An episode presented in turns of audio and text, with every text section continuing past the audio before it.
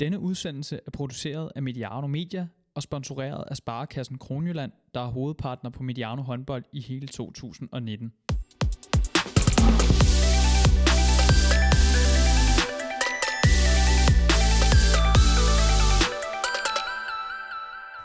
Velkommen til Mediano Håndbolds, og velkommen til endnu en udgave af Kvindemagasinet, hvor vi efter lidt pause igen har fokus på HTH-ligaen. 6. runde er færdigspillet, faktisk så er vi så småt allerede fået taget hul på 7. runde. Så øhm, det her det er programmet, hvor vi, hvor vi vender alle stenene og analyserer kampene, kigger på, hvor holdene er lige nu, og hvor de er på vej hen. Mit navn er Johan Strange, og øh, jeg indleder lige med at øh, sende en varm tak til, øh, til Sparkassen Kronjylland for at være, være fast partner her på Mediano Håndbold, så altså dem, der har, har muliggjort, at øh, vi kan lave det her gratis håndboldmedie. Så øh, har vi igen en, øh, en debutant i, øh, i studiet, og øh, ja, foran mig sidder, sidder du, Ronny Bøj Klitgaard. Vi starter, med, øh, vi starter altid med, øh, med de nye.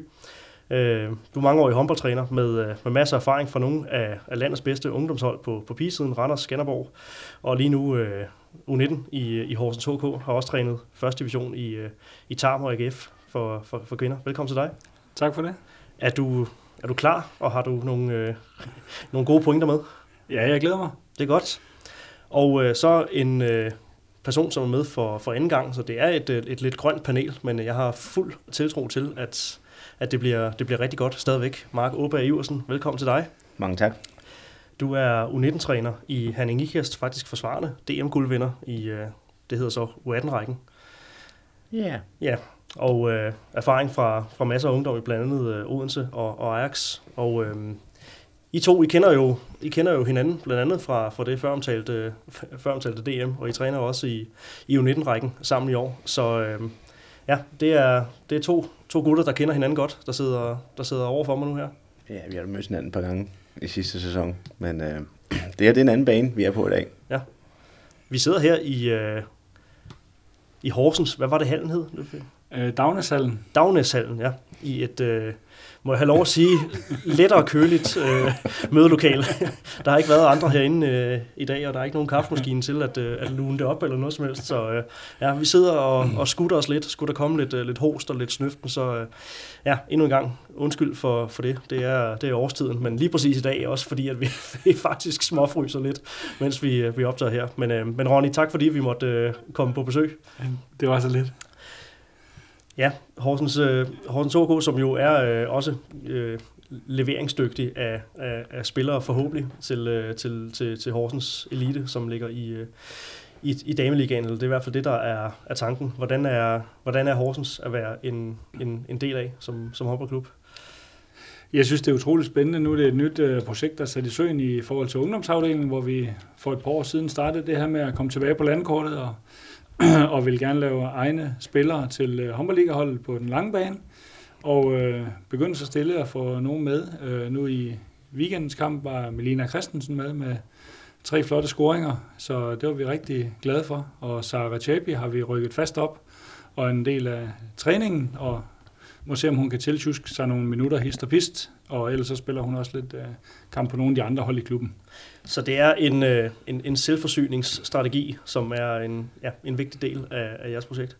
Øh, det skulle det gerne være på den lange bane, så vi kan spare nogle penge der og købe nogle store profiler, og så supplere ind med klubbens egne spillere. Så og Mark, du er jo en del af, af Hanning Ikas håndbold, som jo også har et, et ligahold, som vi også omtaler i udsendelsen her. Øhm, det er jo, øh, ligesom da det hed, både IKAST og og FC Midtjylland håndbold, så er det jo øh, en øh, altså udsigten for de, de unge spillere i, i, i jeres regi er jo måske lidt en, en anden i forhold til at vejen til, til ligabold måske ikke er lige så kort. Ja, det er dermed ikke sagt, at man i Horsens kommer, kommer sovende til det, eller kommer, kommer nemt til det, men, men Hanne i Ikast er jo gerne hold, der skulle ligge i toppen, hvor Horsens måske mere er, i hvert fald lige aktuelt er i den anden ende af, af tabellen. Det er to forskellige, øh, det er to forskellige virkeligheder, som, øh, som I arbejder med.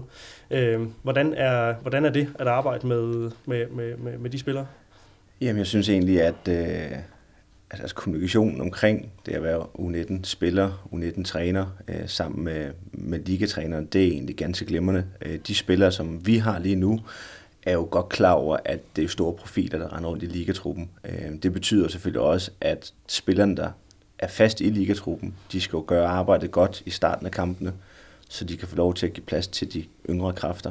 Øhm, det havde vi jo det svært ved at gøre sidste år, øh, da truppen var smal, men, øh, men jeg synes egentlig, som sæsonen er startet i år, at øh, vi har jo allerede nu budt velkommen til, til en Cecilie Brandt på en højrefløj, som har været med et par gange, og, og vi har også fast fire til fem, seks spillere liggende og træne med i, i ligatruppen øh, hver uge. Så, så jeg synes egentlig, at, øh, at pigerne er meget bevidste omkring øh, rollefordelingen, når man er U19 og man kommer op i ligaregi.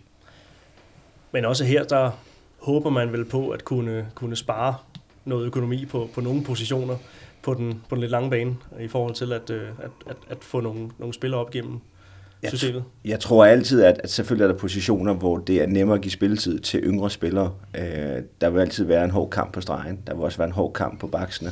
Øh, på fløjene har vi jo set øh, gennem de senere år, at de har været leveringsdygtige, øh, senest med Emma Friis. Øh, men, øh, men jeg håber da egentlig også, at vi kan se en Emilie Steffensen og en Michaela Møller på sigt. Øh, de har jo stadigvæk øh, en toårig aftale, mener jeg begge to. Man har en Olivia Simonsen, som har lavet aftale med dem også, men som indgår som fast U19-spiller. Øh, det er jo alle sammen spillere, som har været med helt fremme i, i alle de år, de har været ungdomsspillere. Øh, og de er jo egentlig stadigvæk også øh, U19-spillere en sæson eller to endnu. Men, øh, men, men det gør selvfølgelig noget at kunne give plads til, til bagspillerne også i en ligatrup.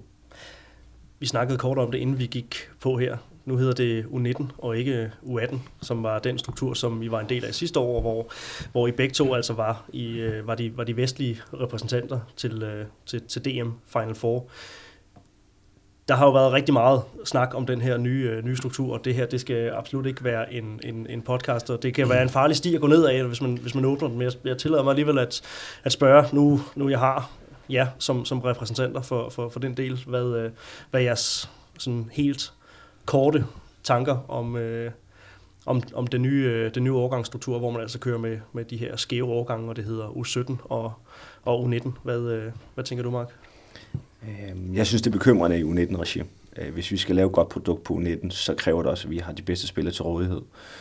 Øh, vi er måske også der, hvor vi skal give det tid. Øh, det her det er over et, efter man har lavet om på, på, på grupperingen. Og det betyder også, at man i seniorregi i år ikke har fået tilført spillere fra ungdomsregi. Men, øh, men hvis det er det her, der er stilen fremadrettet, at de øh, 20 bedste spillere øh, på anden års U19 ikke er i U19 at finde, så udvander vi produktet i U19 og giver de næstbedste og de tredje bedste muligheden. Det vil ikke gøre, at hvis vi skal kigge elitært, at så vil U19 blive en, vil jeg sige, en, en ligegyldig række, øh, fordi de løber spiller første division. Og det synes jeg er en udfordring, som vi skal i fællesskab hjælpe om. Jeg tænker på herresiden, synes jeg, det er en god idé, at man får et år mere øh, og får noget fysik bygget på. Men på damesiden, hvor jeg kender bedst til, der synes jeg, at det er ærgerligt, at man går over til ulige overgange, fordi at øh, spillerne har faktisk førhen været tidligere nok klar til at, at kunne udføre opgaven på, også på liganiveau. Der kan jeg bare huske øh, Mie Højlund, som allerede som U16-spiller braget godt igennem og har bygget på sidenhen og har spillet liga nu i mange år. Men som Mark også siger, at der er for mange spillere, som øh, kommer væk fra U19-rækken, og derfor bliver produktet også dårligere. Og øh, der synes jeg, vi havde en super fed turnering sidste år i øh, ligaen, hvor man ikke vidste, om man vandt eller tabte, inden man gik til kampene. Øh, og det havde vi jo håbet på igen at få i år.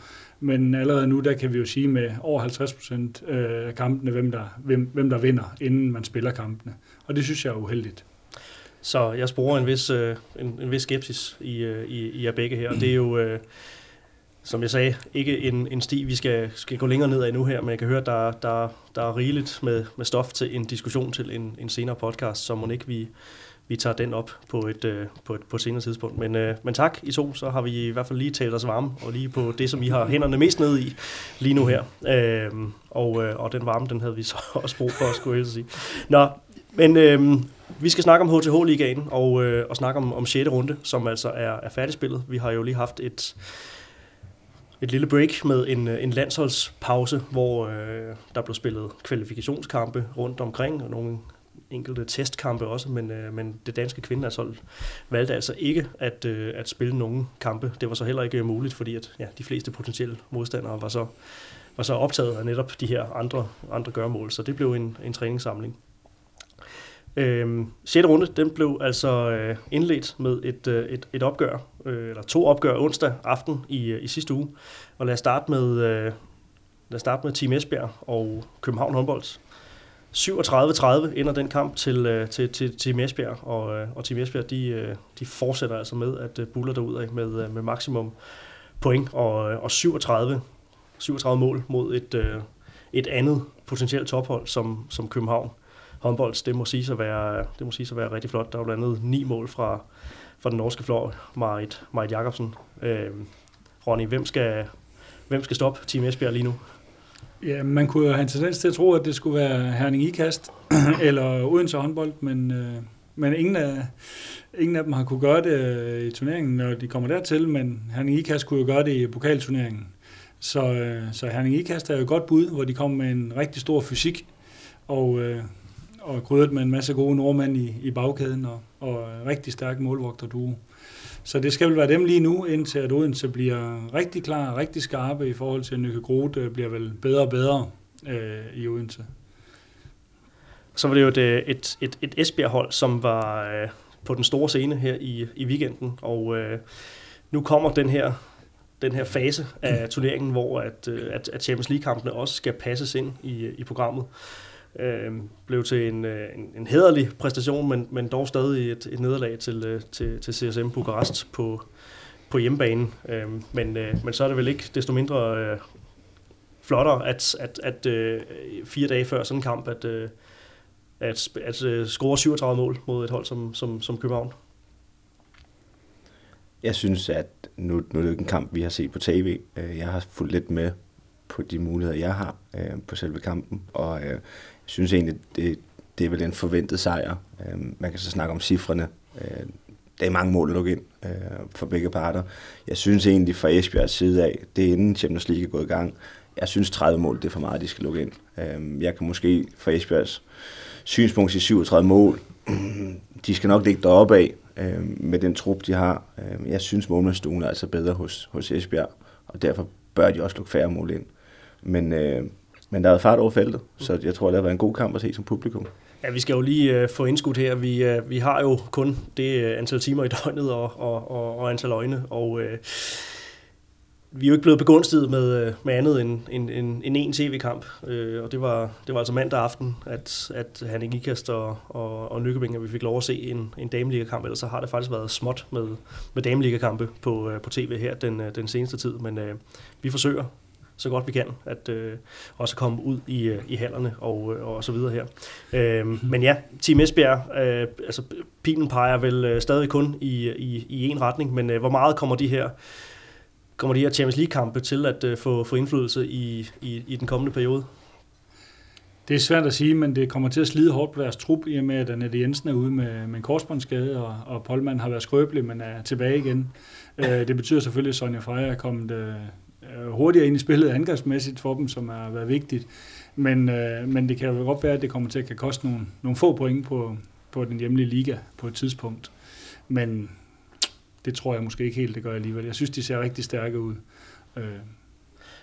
Hvor tror I, at prioriteterne vil, øh, vil, vil, vil ligge hos dem? Altså, øh, at, at Champions League, er det, et, er det sådan et næste skridt, der skal tages for, for Team Esbjerg, eller er det et, et eventyr, som man så at sige, øh, hygger med, så længe, at det, så længe at det varer, og så er der fuld fokus på at skrave, skrave så mange point som muligt sammen i den, i den danske liga. Jeg tror på ingen måde, det er en hyggetur. Øh, alle danske hold, der deltager i Champions League, øh, de, øh, de har for øje, at de skal komme så langt som muligt. Jeg vil også være ærlig jeg, jeg, jeg er ærgerlig over, at de tager den kamp mod Bukarest på hjemmebane. Jeg synes, det er en kamp, de skulle have vundet. Jeg synes, der er selvfølgelig dygtige profiler i Bukarest, men, men det har Esbjerg også og jeg synes på en hjemmebane, der, øh, der, der skal de altså vinde den kamp. Så, så i min verden, der, der er der ingen tvivl om, at, at hvis de skal gøre noget, så er det jo at, at satse på Champions League, og så øh, skal de få, øh, få sparet profilerne i den danske, danske turnering, hvor at de har mulighed for det i, i bestemte kampe. Er vi der, hvor vi godt må, må, må stille nogle højere krav til, til, til de danske repræsentanter i, i de europæiske turneringer i, i Champions League, at selvom at det hedder Bukarest, som øh, før har vundet Champions League-turneringen og ofte er, er Final Four-deltager, vi ved, at de har et rigtig, en rigtig stærk trup i, igen i år. Nord Mørk er, er ganske vist øh, øh, ude med, med skade, men, men det er stadig, det er stadig, øh, det er stadig store profiler. Altså, du mener, at, at det, er et, øh, det er stadig en kamp, som, som vi skal se øh, et, et dansk mesterhold være, altså, tage, tage mere hånd om? Det synes jeg. Og jeg synes også, med henblik på de senere sæsoner i Bukarest, at der har været en svingdør træner, og der har været svingende resultater. De vandt ikke mesterskabet sidste år. Øh, altså, det er et hold, som de danske øh, deltagere skal kunne, skal kunne snakke med. Øh, og, øh, og de har en, det er en god, altså det er en god, men hård pulje, men, men alt er muligt øh, fra første til tredje pladsen, som jeg mener Esbjerg er landet på. Øh, og derfor så skal de også satse på den turnering. 37 mål for København håndbold, så omvendt øh, lukket ind her, og øh, en del af forklaringen kan jo så også tilskrives, at, øh, at øh, målvogter Bunsen er, er ude med, med graviditet resten af sæsonen, og, og lige nu der er det altså Amalie Milling, der, der agerer, øh, agerer første målmand med, øh, med anden divisionsmålmand siger Yde som, som, som backup. Øh, det er det er hårdt for sådan en, øh, en, en, en ung pige. Øh, hvor, meget, øh, hvor meget af det ansvar kan hun, kan hun bære? Hvor meget, har, hvor meget har København brug for at, at finde en, en, en rutineret målmand til at støtte op om, om det her, Ronny? Ja, men de plejer jo egentlig at kunne få... Øh, altså jeg tror sådan en som Amalie, hun skal nok få nogle rigtig store opture og står godt på sit topniveau, men også når man er så ung, så vil man jo også falde en gang imellem på niveauet, men... Øh, jeg ved ikke, om de finder en målmand mere, der skal hjælpe til derovre, og nu er det jo selvfølgelig ærgerligt, at de har sendt øh, uh, Sando videre. Han kunne de jo rigtig godt have brugt nu her i den her situation. Men uh, jeg tror egentlig, at den målsætning, som København de har, øh, uh, det tror jeg egentlig, at de nok skal få opfyldt uh, det. Og uh, så er spørgsmålet, hvor de står henne uh, sidst på sæsonen, også om Amalie har fået lagt lag på sit spil. Den aktuelle København håndboldtrup, hvad rækker det til? Hvor, hvor peger pilen hen af uh, for dem? Er det, er det top 4 lige udenfor? Hvor, øh, hvor ser vi dem? Ja, men jeg ser dem som, som 4-5 stykker øh, sammen med, med Viborg. Det bliver spændende, når de mødes nu her lige om lidt. Men det vil jeg umiddelbart sige. Jeg synes, de tre øverste hold er, er alt for stærke. Øh, Esbjerg, HIH og, og Odense. Jeg synes, de er for stærke. Og så kommer der en lille gruppe derefter, hvor København også øh, gør det godt. Men Claus Mogensen har en tendens til at overraske gang på gang på gang derovre. Han gør et rigtig godt stykke arbejde, så det kan også være, at han kan lave små mirakler igen i år. Men det ser svært ud. Øh, men øh, Ellers må de lave lidt flere mål, og det vil Mirai også gerne gøre, så det kan være en mulighed for dem. Ja, vi skal jo lige også øh, sige, at vi optager her tirsdag eftermiddag, og det er altså tirsdag aften, at, at København håndbolds og, og Viborg tørner sammen i, i Frederiksberghallerne, og, øh, og den kamp har vi, har vi selv sagt ikke nogen mulighed for at analysere på. Den er altså ikke, den er altså ikke spillet i, øh, i talende stund. Mirai, ja, stadig aktuel øh, topscorer i, øh, i ligaen, men hun begynder så småt at få noget hjælp. Nu scorede Larissa Nusser så ganske vist overhovedet ikke, øh, selvom øh, at, at holdet altså lavede, øh, lavede 30 her. Øh, men, øh, men der er så en, øh, en anden spiller, der er begyndt at markere sig som, øh, som en øh, potentiel profil og det er hun vel også, det er hun også tiltænkt øh, norske Maria Hjertner, øh, som, øh, som faktisk er kravlet godt opad og, og ligger øh, i top 10 på, på, på topscore-listen. Øh, faktisk ret højt op øh, blandt, øh, blandt topscorerne. Øh, har lavet en del mål i de seneste kampe, laver også øh, seks mål her mod, øh, mod Team Esbjerg. Hvor meget har hun meget har hun flyttet? Hun laver 8 mod, øh, mod Team Esbjerg. Undskyld. Det er fordi, du sidder, når du sidder og markerer, så bliver jeg lidt øh, perpleks. Hvor meget har Team Esbjerg, eller undskyld, hvor meget har København håndbolds brug for, øh, for en, en godt skydende højreback, som, øh, som, som Maria Hjertner i, i situationen her? De har i høj grad brug for en. Øh, I det, at øh, Larissa Nusser, hun ikke øh, i, denne, i denne kamp kommer på scoringstavlen, så er det jo vigtigt, at der er nogle andre til at tage over end Mirai. Øh, og, øh, og jeg synes egentlig, at øh, både på højre bak, men også på højre fløj, at øh, der har de fået godt gang i den. Øh, Maria Hjertner kommer nok mere med ind i spillet. Hun har jo selvfølgelig haft en tilvændingsperiode øh, med, med nye spilsystemer og løbebaner osv. Så, videre. øh, så jeg håber da, at, at Maria Hjertner får lov til at løfte hendes niveau lidt mere. Øh, hun er for mig en lidt ubekendt spiller, øh, men jeg glæder mig til at se hende. Øh, de sidste par præstationer har været rigtig fine, øh, og det, øh, det lover jo godt for København, at der er andre, der kan tage over, når, når de enkelte andre spillere går ud, øh, Mirai eller Larissa Nusser, som, som, som man har store forventninger til. Der er ikke nogen tvivl om, at det her København håndbold øh, hold er, er absolut drevet af, af, af Mirai som, øh, som, som spilstyrer, som, øh, som indpisker og så videre jeg kan ikke lade være med at tænke, der ligger en, en slutrunde ude i, i horisonten. Nu kommer hun tilbage fra en korsbåndsskade, men det er jo nærmest som om, hun, hun ikke har været væk med det niveau, som hun, hun viser lige nu. Hvor, hvor meget tror I, at, øh, at Mirai er inde i Claus Brun Jørgensens øh, overvejelser til øh, en, en decembertur til Japan? Altså, jeg tror klart, hun er inde i overvejelserne til, øh, til en slutrunde, men jeg tror ikke, at hun kommer til at få en stor afgørende rolle, hvis hun kommer med til slutrunden. I og med, at man har en øh, Christina Jørgensen, man har en Stine Jørgensen, som spiller playmaker, man har også en Mia Højlund, man skal finde plads til, og, og så videre. Så der er egentlig mange ombud derinde, og man har set de sidste slutrunder, at Stine Jørgensen har spillet rigtig, rigtig mange minutter, og, og Christina Jørgensen er kommet tættere og tættere på, så, så jeg tror, det bliver svært, hvis man vil have en skydende playmaker, men hvor København håndbold har lagt mere an på deres spil på kontradelen, hvor man skal løbe mere og have en mere gennembrudsstærk playmaker. Så det er to forskellige spilsystemer, synes jeg. Jeg, jeg tror faktisk, hun kommer med. Øh, jeg, at det, for mig vil det ligge naturligt med det comeback, hun har lavet. Øhm, og jeg tror egentlig også, at København er i, er i god dialog med at passe på hende. Det er rigtigt, som Ronny også siger, at jeg tror ikke, hun får en, en, en rolle, som hun har i København. Øh, først og fremmest fordi der er så mange andre store profiler på landsholdet, hvor Mia er den store profil i København. Men, øh, men jeg er overbevist om, at hun er en af de spillere, der bliver, der bliver taget med, øh, når de tager til Japan. Godt, jamen øh, det får vi jo, øh, det får vi jo svar på om øh, nogle, nogle få uger fra, fra nu, hvor, øh, hvor landsholdstruppen altså bliver udtaget. Det er omkring 1. november, at, øh, at Dansk Håndboldforbund altså har, har meddelt, at, øh, at man, vil, man vil annoncere, hvem der skal, skal med til den her Japans tur. Lad os øh, parkere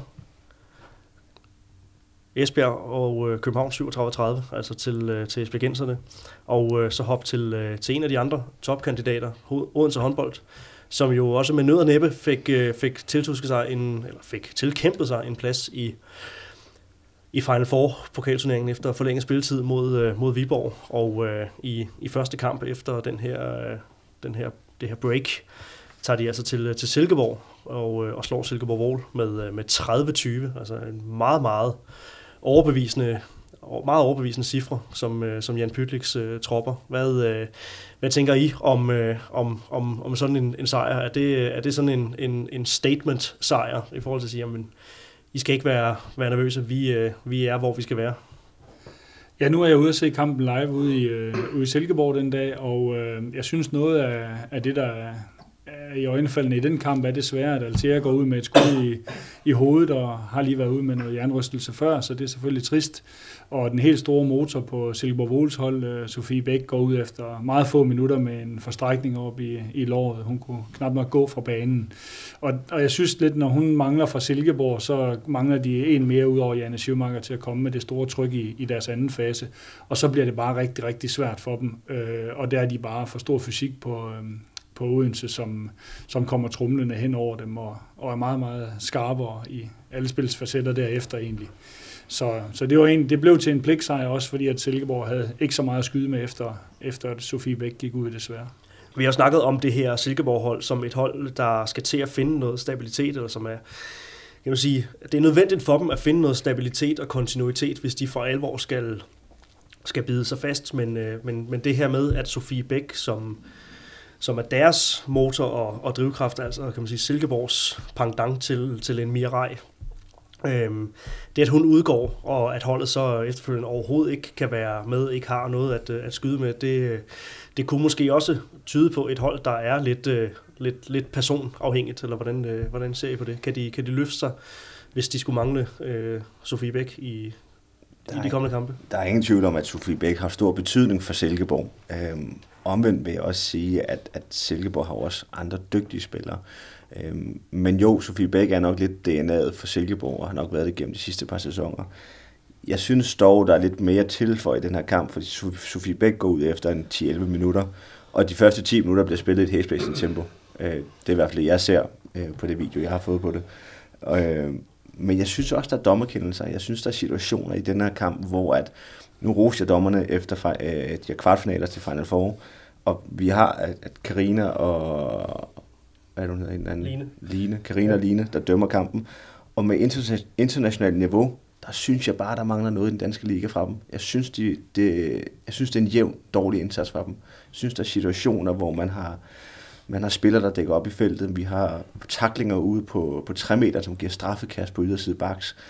Det synes jeg er ærgerligt. Jeg synes, det er, det er ikke det niveau, de viser, når de, spiller, når de dømmer europæisk. Øhm, og det, det har der været kritik for tidligere også. Øhm, og det gør altså også lidt på kampen, for der bliver sådan en, en, en frustration for spillerne. Hvad må vi, og hvad må vi ikke? Hvornår må vi gøre det ene eller det andet? Og, og det får en betydning. Øh, og det kan man også se på spillet, synes jeg.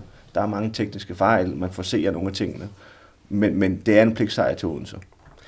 En pligtsejr, og øh, en, en sejr, som også kommer i land ved, ved, øh, ved mange forskellige målscorer, men, øh, men der er en spiller, der, der stikker ud. Mie Højlund laver, laver de otte af målene. Nu snakkede vi... Øh, det var meningen, at vi skulle have lavet en udsendelse i, øh, i sidste uge. Der er nogle personlige årsager til, at, at den ikke blev til noget. En, en, en første VM-special faktisk, hvor vi skulle lave formbarometer på, øh, på de her landsholdsspillere, men nu forsøger vi sådan drøbvis lige at liste nogle af dem ind her. Øh, vi snakker om, om Mirai som en, øh, en mulig VM deltager på, på det danske landshold. Mi Højlund er vel øh, også kraftigt i, i spil til en, øh, en plads, hvor, øh, ja, hvor tæt er hun på at kunne booke flyet til, til Japan. Ja, jeg vil da håbe, hun kommer med. Nu har jeg selv trænet hende, for, så jeg håber rigtig meget på at, at se hende i den røde-hvide trøje igen. Jeg synes øh, selvfølgelig, at man skal have kigget på øh, for Mies øh, udvikling og også hendes landsholdskarriere, om hun ikke skal spille andet end højre bak, hvor hun vil karriere lige nu for en Mette Strandborg, som, som er ude med en skade, men at hun også kommer ind og spille øh, playmaker eller venstreback, alt efter hvad Claus Brun gerne vil bruge hende til. Men øh, der er der ingen tvivl om, at jeg synes, at hun er et kæmpe, kæmpe, kæmpe stort talent, og, og tror da også på, at hun kan lykkes at komme med. Det er sjovt med de her spillere, som, som uh, ligesom der var med, med Lærke Møller og Lotte Grigel i sin tid, som, som altså kommer ind i ligaen, som I også påpegede i en, i en tidlig alder. Man føler jo næsten, de er, om ikke ved at være færdige, men de har i hvert fald været der, været der længe, ikke? Men, uh, men det er altså stadigvæk en, en, en meget, meget, meget, meget ung spiller, vi har med at gøre, uh, gøre her. Mark, uh, ja, hvad, uh, hvor peger pilen henad for, for, for Mia Højlund? Hun er, hun er meget spændende. Jeg synes, at som Rønne også siger, at, at jeg ser også gerne, at hun spiller playmaker-rollen. Øh, man har en, en hakmand, der sidder på bænken, som ikke er starter. Øh, man, man får en Tramborg tilbage, som selvfølgelig bliver en starter, når hun er klar igen. Men, men Mie Højlund har jo noget x-faktor over det, hun laver. Hun er jo outstanding på den der yderside. Hun tiltrækker sig også et par straffekast og et par udvisninger i kampen og, øh, og er en konstant trussel på hendes, øh, på hendes acceleration og hendes temposkifte. Og jeg synes egentlig, hun leverer en, en rigtig, rigtig fin defensiv indsats, øh, når hun er inde. Øh, jeg synes, hun rykker sig på den del. Så, så jeg håber med tid, at, at hun får lov til at komme væk fra højre bakken og bliver integreret mere som playmaker venstre bak. Jeg fik lige internettet til at, at fungere her, for lige styr på, at hun bliver 22 år senere her på, på måneden. Og øh, ja, man føler altså, at hun har været med i tæt på, på evigheder. Men det er, jo, det er jo en interessant problematik i, i, i rejser her, ikke? fordi det var jo også noget det, vi snakkede om op til sæsonen med tilgangen af, af netop øh, Nykke Groth og, øh, og Natalie Hackmann kan vi selvfølgelig også tage med i, i den, den snak her, men øh, det, øh, det, det, der var snakken, det var jo, hvad ville det gøre ved sådan nogen som Nadia Offendal og, og Mie Højlund, at nu skulle Nykke Groth ind og, og være bannerfører og dække træer og spille, spille, rigtig mange, øh, spille rigtig mange minutter god til at lære fra sig, selvfølgelig, men, øh, men kommer også til at koste lidt for nogle, øh, nogle danske landsholdskandidater. Er det, en, øh, er det en reel problematik? Nej, det kommer meget an på. Det er jo meget individuelt fra spiller til spiller, hvad man er til. Og øh, nogle spillere er til at gerne vil øh, lære rigtig meget, nogle spillere er til at vil spille rigtig meget. Så det er meget individuelt, synes jeg, fra spiller til spiller. Og det kan man jo vælge klub efter. Øh, så man har også selv valgt det, når man spiller i Odense, at man ved, at der er mange stjerner, fordi målsætninger og ambitionerne er rigtig, rigtig høje. Så, så det er vilkårene ved at spille i, i Odense, hvis man gerne vil være i en topklub. Øh, sådan ser jeg det i hvert fald umiddelbart. Men der er ingen tvivl om, at, at der er jo nogen, der ikke kan spille. Der kan jo kun være tre på banen ad gangen, og der er jo en, en 6-7 rigtig, rigtig store øh, dygtige spillere, så alle kan ikke spille samtidig, og de skal jo finde ud af, hvem skal spille, når det hele spidser til. Og det synes jeg mangler at se for Odense nu. Hvem er A-kæden, når det virkelig spidser til? Så det er noget af det, som Jan Pytlik og hans hans øh, følge skal, øh, skal, skal bruge den næste periode her på at lære. Nu får de hævet en rigtig sikker sejr i land her mod, øh, mod Silkeborg. Der kommer flere kampe. Nu har de også spillet mandag aften og, og slået, øh, slået, slået Skanderborg og taget, taget hul på, på den her runde 7, som vi ikke øh, behandler øh, i, i, så meget i udsendelsen her. Øh, er, det, er det det, der, der er fokus i den kommende periode? Ikke så meget at tænke, tænke førsteplads i, i grundspil osv., men, men simpelthen finde ud af, hvad er det for en kæde, der skal, der skal afgøre det for os, når vi, når vi nærmer os øh, slutspillet? Jeg tror, de har styr på kæden. Jeg tror også, at øh, selvfølgelig med, med Traumborg ude, øh, så jeg ser det som, at det er Stine Jørgensen, det er Nykke Groth, og det er Mie Højlund i bagkæden. Og så har man Østergaard og Frejkort på fløjene, og, og Heindel på stregen. Øh, men så er det jo så et luksusproblem, når man så skal skifte ud bagefter. Vi ser også i kampen her, at på et tidspunkt øh, mod slutningen af første halvleg, der laver de lige et kædeskifte, og der, øh, der har de, øh, der har de Offendal inde, de har øh, Bakkerud inde, øh, og så kører de med halv på stregen, og, og, og der, øh, der kommer altså nogle, nogle udfordringer på den defensive del. Øh, man har øh, Hakman inde også, og hvis man både har Offendal, Hakman, Mi Højlund inde, øh, halv inde også, så får de nogle forsvarsmæssige udfordringer, hvor Heindal, Groth øh, og Stine Jørgensen, det giver bare et fundament, som, som står stabilt og defensivt. Så det bliver de her logistiske overvejelser, som kommer til at, øh, at være, være afgørende for, øh, hvordan, man, man sender, hvordan man sætter sin, sin, sin, sin kæde, når tingene skal afgøres? Jeg tror i hvert fald, det, jeg tror at det er noget, de snakker om, om man har lang eller kort udskiftning. Øh, men jeg vil også sige, at det er så, så dygtige spillere, øh, så om du har Hakman eller om du har Mie Højlund på højre bak, øh, jeg vil nok tage Mie Højlund lige nu, for jeg synes, hun gør det bedre defensivt, øh, end Hakman gør. Men, men, men jeg tror, at de har styr på, hvem der er, der er deres øh, A-kæde. Men, men det tror jeg også, de har styr på med den kæde, men jeg tænker også, når at, uh, Tranborg kommer tilbage, så tænker jeg også på, at jeg synes, de har skiftet rigtig, rigtig meget ud øh, i forhold til det startprogram, de har haft, hvor man kan sige, hvis de gerne vil have førstepladsen, øh, som også giver adgang til Champions League, så havde det også været vigtigt at være spillet godt varm, øh, så man var klar til at have Esbjerg på hjemmebane og HIH på hjemmebane, og man har imod væk tabt de, de to hjemmekampe. Øh, og selvom vi ikke behandler runde 7 endnu, så har i går, øh, det vinder man også kun med fem mål over Skanderborg på hjemmebane. Så man har ikke på hjemmebane slået nok til endnu. Og kunne det have været, at start af syveren var spillet mere varm, kunne det have været, at man stod anderledes. Det er svært at gisne om.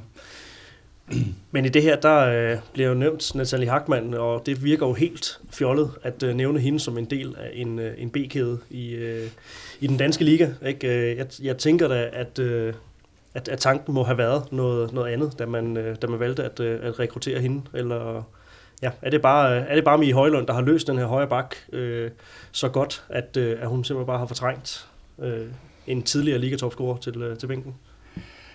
Ja, nu sidder jeg og smiler lidt over Mie Højlund, for det jeg havde hende som U16-spiller ja. i Randers, øh, spillede hun højre bak, og øh, fik jeg videre, at der kunne hun ikke blive til noget som højre bak, og da hun spillede på håndboldligaholdet som 16-årig, lavede hun 6 på 6 ude i Aarhus, øh, også på højre bak, og på landsholdet, da hun spillede sin første landskamp i Esbjerg, var det også på højre bak, så hun kan sagtens spille højre bak og har nogle færdigheder, der er unikke til at kunne skyde når hun fra distancen, både med sit håndled, men lige nu er det blevet meget på hendes gennembrud og hendes assistspil, og derfor ser vi også Trine Østergaard lave flere mål, end hun, øh, end hun har lavet sidste år.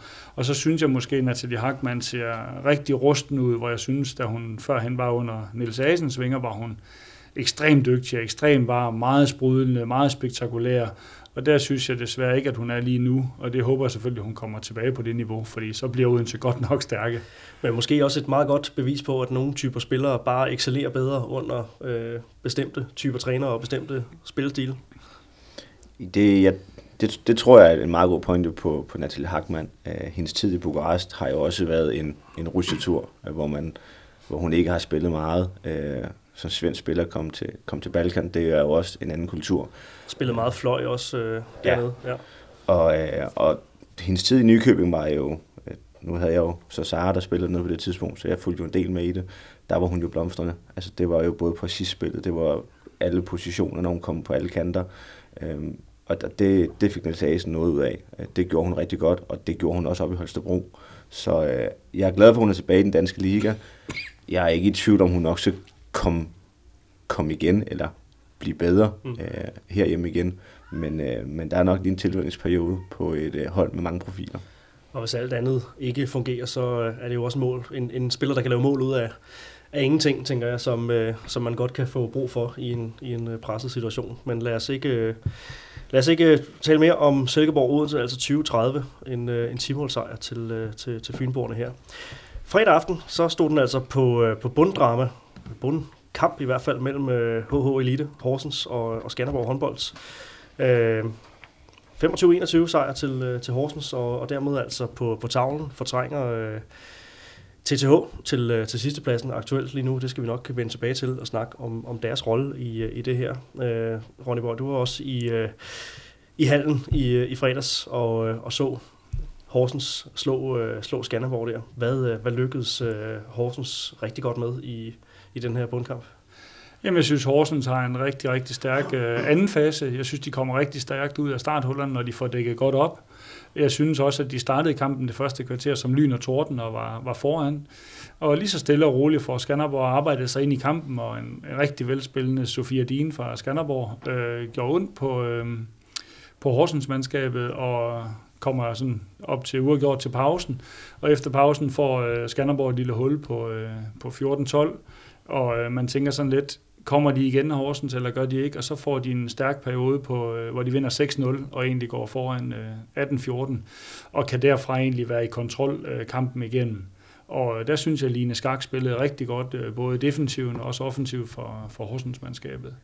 Og jeg synes, hun er en stor nøgle til, til succesen øh, i den kamp det siger jo sig selv, at der er nogle, øh, nogle interne opgør, som bliver, bliver rigtig, rigtig afgørende. Nu har, har Ajax København så været dygtig til at, øh, at, at stjæle nogle, øh, nogle point, så at sige. Det er nogle, nogle bonuspoint, som, som de har fået. Men, øh, men jeg tænker også meget på intensiteten i de her opgør. Altså, hvordan mærker man, hvordan mærker man dem, øh, eller den i, i, i, i hallen, sådan en, en fredag aften mellem to hold, øh, der, øh, ja, der bare ikke må, må, må, må tabe sådan en kamp? Ja, jeg synes, at der var meget høj intensitet. Jeg synes også, der var rigtig, rigtig mange mennesker i hallen i forhold til en, øh, en fredag aften, hvor man også kunne, kunne lave noget andet. Men det synes jeg faktisk, der var. Så, så kan man jo sige, for, øh, for Skanderborgs vedkommende, var de jo kommet på tavlen inden. Og det var jo lidt en Horsens chance at komme på tavlen her i, i starten, fordi de har et svært program igen bagefter, og ikke havde fået, fået fjernet nullet fra pointtavlen. Så øh, der var et større tryk på Horsens, også at det var på hjemmebane, men jeg synes, de løste det rigtig, rigtig flot, faktisk. Og øh, de her to point, hvis man nu man ikke havde fået dem, og Skanderborg havde fået dem, i, i stedet for at Horsens stadig havde stået på, på det her 0, ja, hvor meget pres havde der, havde der så været på, øh, på, på Henrik Okkerstrøm og, og hans, øh, hans unge mandskab her? Jeg tror det selvfølgelig, det vil være ærgerligt over, at de ikke vinder en hjemmekamp. Øh, men jeg tror ikke, der vil være mere i det end det. Øh, der er jo masser af kampe, der giver endnu, og, øh, og jeg, er, jeg er også sikker på, at Horsens skal nok øh, komme komme ind igen og få point, hvis de ikke har fået det i den her kamp her. Jeg kan også spørge på en anden måde, hvad, hvad, af, hvad, det, hvad for et afsæt det giver med, øh, med to point i en, i en direkte, direkte bundduel. Om der er ingen tvivl om, at, at altså, duellen i sig selv om at få to point, øh, der kommer nogle kampe nu her øh, frem mod pausen, hvor det er, at, øh, at, at Horsens øh, har et, et forholdsvis hårdt program øh, med Esbjerg, Odense, Viborg, Nykøbing øh, i de næste fire kampe. Så hvis ikke man har fået to point her, så kunne man risikere at gå på julepause uden point. Og det vil selvfølgelig være et, et bedre at sluge, når det er, man ikke øh, kan tage sin hjemmepoint. Øh, men, men, men udover det, så, så er det jo fantastisk, at de gør det, og det giver det spænding. Så to meget vitale point. Omvendt for, for Skanderborg håndbolds. Øh, ikke noget, som I tænker, at det, øh, øger presset unødigt meget på, øh, på dem, hvis I øh, lidt har, har de samme briller på, som, som, som da vi snakkede med, med Horsens perspektiv. Altså, at det er, at det er i gåseøjne okay, når det er en, en udkamp, man, man taber. Ja, man vil jo altid gerne vinde, når det er sådan en direkte duel nede i bunden, øh, og det er jo sådan lidt en, næsten en firepointskamp. Men øh, nu synes jeg, at de har været, øh, været dygtige inden og har vundet øh, sikkert over Ajax med, med seks mål, og det giver også noget luft til, til Skanderborg, og var kommet på tavlen inden. Og det virker som om, at de er i, i fin balance med, hvordan de, øh, med de point, de har, og også hvordan de spiller. Det, de bliver en lille smule ramt på nu her, også med Christina Hård, der får en grim knæskade i går aftes, det er selvfølgelig, at antallet af spillere bliver færre og færre for dem, også i bagkæden. Og i og med, at de ikke har et U19-hold, som har været stærkt fødekæde øh, førhen med Nicoline Olsen, Christine Jørgensen osv., så bliver man også ramt lidt på ressourcerne nu her. Så nu bliver det rigtig vigtigt, at de der indbyrdes opgør, de får i bunden, at de kommer til at få nogle point øh, mod dem. For jeg tror ikke, at Skanderborg går ud og laver så mange bonuspoint, som man gjorde sidste år øh, under Christian Danielsen. Øh, der var de dygtige til at få nogle ekstra point, hist og pist, og det får de svært ved nu, fordi de også kommer til at mangle antallet af spillere i dagligdagen. Så har vi jo også snakket om, hvad de her skader kan gøre ved et, et træningsmiljø, og, øh, og den intensitet, man nogle gange kan komme til at, at, at mangle. Der kan jeg høre også øh, i, i fraværet af, af, af U19, øh, kapable U19-folk øh, at tage op. Så, mm. så kan det godt gå hen og blive en, en udfordring også for, for Skanderborg med, øh, med det skader. Ja, det tænker jeg umiddelbart, for nu står man med en bagkæde med, med Stine Christensen, øh, og man har en uh, Sofia Dien, øh, i bagkæden, Anna Virsberg, som kommer til at skal spille rigtig, rigtig mange minutter, og det er også dem, der skal bære det til øh, den daglige træning. Og så har man selvfølgelig to dygtige stregspillere. Men, øh, men der er et stykke til de næste bagspillere, synes jeg, øh, på liganiveau i hvert fald.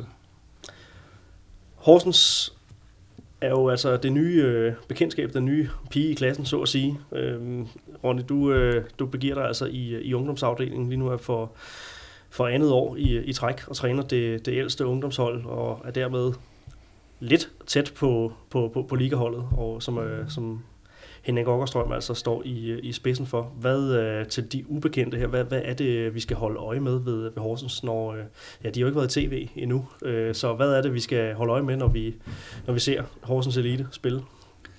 Jeg synes, de har en, øh, jeg synes, de har rigtig mange spillere, og det, der bliver interessant at følge, det er, hvordan man sætter dem i spil fra kamp til kamp, specielt når man har så mange bagspillere, som er, er tilfældet på, på vores damehold. Så handler det om at få udnyttet de, individuelle kompetencer, få iscenesat dem, øh, spidskompetencerne. Og hvem er det, vi skal Og så synes jeg, man har Melissa Petrin øh, fra Sverige, som har noget x-faktor.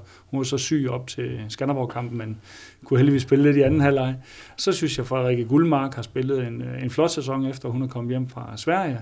Og man har en Emily Bavnsgaard i bagkæden også, som øh, bare bliver bedre og bedre, og hun har også spillet rigtig meget sidste år, også i år, hvor hun de tidligere år har spillet i større klubber, men sat mere på bænken. Så der synes jeg, man har en rigtig øh, stærk øh, bagkæde af dem, der spiller mest. Og i målet Frederik Mono Rasmussen, som, som står rigtig mange minutter, og synes jeg står rigtig godt og kaster godt ud. Er der noget særligt ved, ved spillestilen, eller måden at gribe, gribe nogle af de her kampe an på, som du tænker, at øh, det er, det er særligt værd at, at, at holde øje med? Jamen, jeg synes, de spiller på en fed måde. Jeg synes, de spiller meget tempofyldt og, og fuld fart over feltet, og vil øh, rigtig gerne trykke øh, modstanderen i deres øh, i kontrafasen, både første og anden bølgen. Og det synes jeg faktisk er, er meget fedt, at, øh, at der er så meget fart over feltet.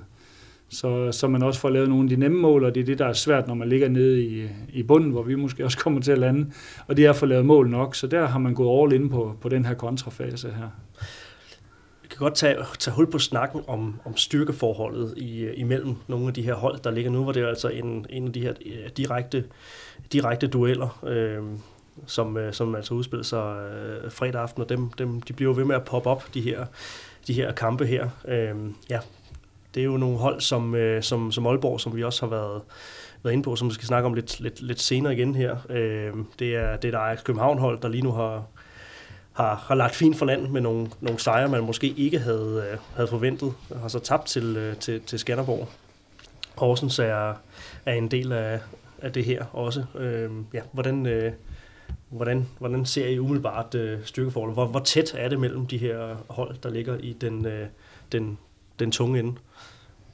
Det er meget tæt. Øh, som det ser ud lige nu, så glemmer vi jo egentlig også TTH, øh, som ligger sidst. Jeg tror, at når sæsonen skal gøres op, og, og sidste spillerunde er taget, øh, så tror jeg heller ikke, vi ser Horsens ligge dernede som næst sidst, tredje sidst. Øh, det er vel det, hold, det, det, er vel det oprykkerhold, som man har haft størst forventning til gennem de sidste par sæsoner. Øh, de har hentet godt ind, de har formået at hente landsholds, landsholdsspillere fra Sverige, de har hentet profilerne fra første division nede i Sønderjyske. Øh, og, og, og derfor så tror jeg også med den bredde, de har, at de skal nok være der. Øh, nu mener de tabte til Aalborg, øh, som var en, en overraskelse for mig. Øh, det var egentlig en kamp, jeg havde forventet, Horsens øh, ville tage to point i, og det var jeg nok ikke den eneste. Øh, men, øh, men det er jo igen øh, bundkamp og udebane, hjemmebane, øh, som går ind og kan blive afgørende i den, i den sidste ende. Men, øh, men jeg tror også, at hold som Horsens godt kan gå en overraske mod Randers, Aarhus, Silkeborg i den sidste ende også. Jeg tror ikke, de, kom, jeg tror, de kommer til vægs, når vi møder top 4-5 holdene øh, Øh, der tror jeg ikke, de kan være med på, på fysikken. Men, øh, men det er helt klart et hold, som, øh, som jeg ser øh, blande sig i en midterplacering. Hvor stor er forskellen på, på top og bund sammenlignet med for eksempel den danske herreliga, hvor vi jo ser øh, et oprykkerhold i første runde, Fredericia der, slå, øh, slå GOG, øh, som var, var fire sekunder fra at, øh, at vinde DM-guld for ja, et par måneder forinden den kamp. Altså, hvor, hvor, hvordan, øh, hvordan ligger, ligger forskellen mellem, øh, mellem, øh, mellem top og bund, hvis man ser på, på damer kontra, kontra herrene? Jeg synes, den er stor. Øhm, efter man udvidede dameligaen øh, og udvandede det første division, så, øh, så synes jeg, at styrkeforholdene er blevet langt større i den danske liga. Havde man fjernet to, de to oprykkerhold, så der kun var 12 hold i ligaen, så tror jeg, der ville måske kunne være en, en, en større jævnbyrdighed. Men det ville så også være sværere for første divisionsholdene at komme op øh, i, i en håndboldliga, så vil det være meget de samme hold, der er der. Men lige nu, der er der vel fra 12. pladsen til 14. pladsen, øh, det er vel i realiteten øh, lette kampe, øh, eller det bør være lette kampe for top 4-5 holdene. Øh, det er kampe, som, som reserverne skal gå ind og spille i så, min verden. Så en mulighed for at få brugt nogle af de lidt bredere trupper, som man også må forvente, at, at de her hold har. Ja. Ja, vi, øh, vi skal jo snakke mere, mere om, øh, om nogle af de andre hold i, i bunden lige om lidt. Vi skal lige vende. Øh, ja, vi går til lørdagen her, hvor øh, at, at Randers HK og Aarhus United spiller uafgjort 29-29. Randers HK øh, kommer fra en, øh, en noget sløj sæson, hvor at de absolut ikke levede op til, øh, til forventningerne, men har, øh, har fået en ganske fin start på sæsonen her, blandt andet draget fordel af at møde et PT svagt Nykøbing-hold og fået, øh, fået to point der, som, som man måske ikke har haft for vane at, at få. Så har vi, øh, så har vi fået Mike Kravberg i gang og laver seks scoringer i den her kamp mod, øh, mod Aarhus United, men, øh, men hvis, hvis Randers skal øh, gøre sig forhåbninger om slutspillet, så er det vel sådan en kamp her, der skal give, øh, give to point hjemmebane mod, mod et øh, Aarhus United-hold. Jo, det er der ingen tvivl om, at, øh, at, at Randers havde nok også sat næsen op øh, efter to point i den kamp, og var faktisk tæt på til sidst, øh, og her time out øh, med, med, jeg tror det er 16 sekunder igen, og får ikke rigtig afsluttet, men et par minutter forinden var de bagud med to, så, så det er jo en kamp, der kunne svinge lidt frem og tilbage. Jeg synes, øh, når man ser de sejre, de har fået, øh, så har de vundet over Skanderborg med, med to mål, og, og NFO, som var meget, meget, meget svækket den dag med, med fem mål. og selv inde og se kampen og øh, så har man slået Team Tvis Holstebro, øh, eller TTH, med, med seks mål. Ikke? Men man har stadigvæk tabt den første kamp i Vole, som nok er en direkte konkurrent til den der 7., 8. og 9. plads, mm. og, man har, og man har tabt til, øh, til Odense selvfølgelig øh, knebent, så det har været flot. Men det, der bliver afgørende nu her, det er jo, at de får slået alle bundholdene, hvor de også havde det svært sidste år mod, mod flere af bundholdene. Øh, det, der, det, der sådan skimmer lidt i øjnene, synes jeg, er, at man har en U17-spiller til at skal dække øh, tre forsvar i, øh, i 30 minutter cirka, cirka i øh, kampen her mod, mod Aarhus United, og i 45 minutter mod Odense håndbold. Der burde de etablerede spillere kunne steppe mere op og være mere markante i deres præstation, rent defensivt også, så man ikke skal ind og lave 29 mål for at, at vinde kampene.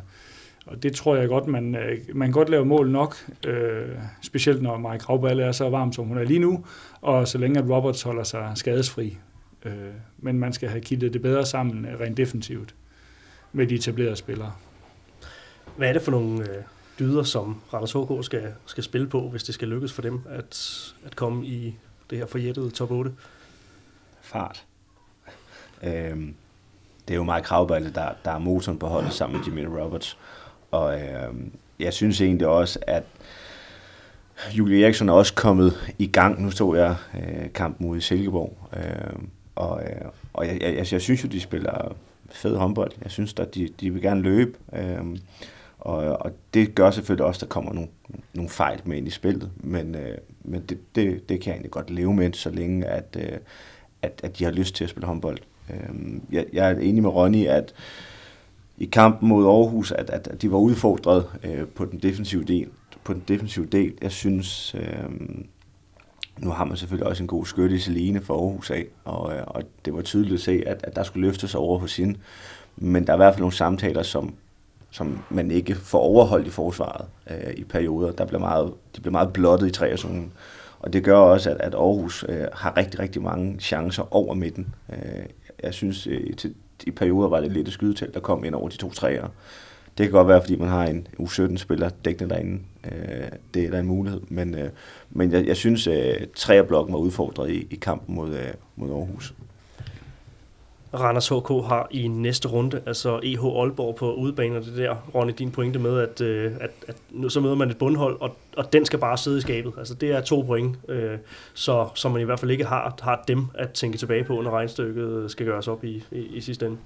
Ja, det var der, de var så uheldige i sidste sæson at tabe flere af de der bundkampe der, eller mod holdene, der lå i den tunge ende, og de point manglede de i, i slutningen af sæsonen til at komme ind i det forjættede land, som var top 8.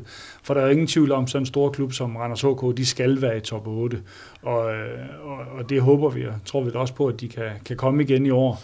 Men det er også det, de skal vise nu med, med det program, de har efterfølgende her. De skal øh, slå øh, de hold, der ligger i bunden, og så håbe på en gang imellem, at de måske kan slå nogle af top 5 holdene. Øh, og så de der firepoingskampe, kampe, der ligger mod Aarhus United og mod Silkeborg Vole og hvem ellers kommer til at ligge der, TTH, Nykøbing Falster, dem, dem skal man jo vinde en gang imellem. Vi begynder så småt nu her, det kan lytte nok også fornemme, at vi kan pege lidt fremad mod den her runde 7, fordi der, jeg synes, der gemmer sig nogle, der, der er et interessant narrativ, der, der udspiller sig øh, nu her, i og med, at vi allerede har faktisk fået slået lidt et hul mellem nummer 8 og nummer 9, som altså er forskellen på, på slutspil og, og ikke slutspil.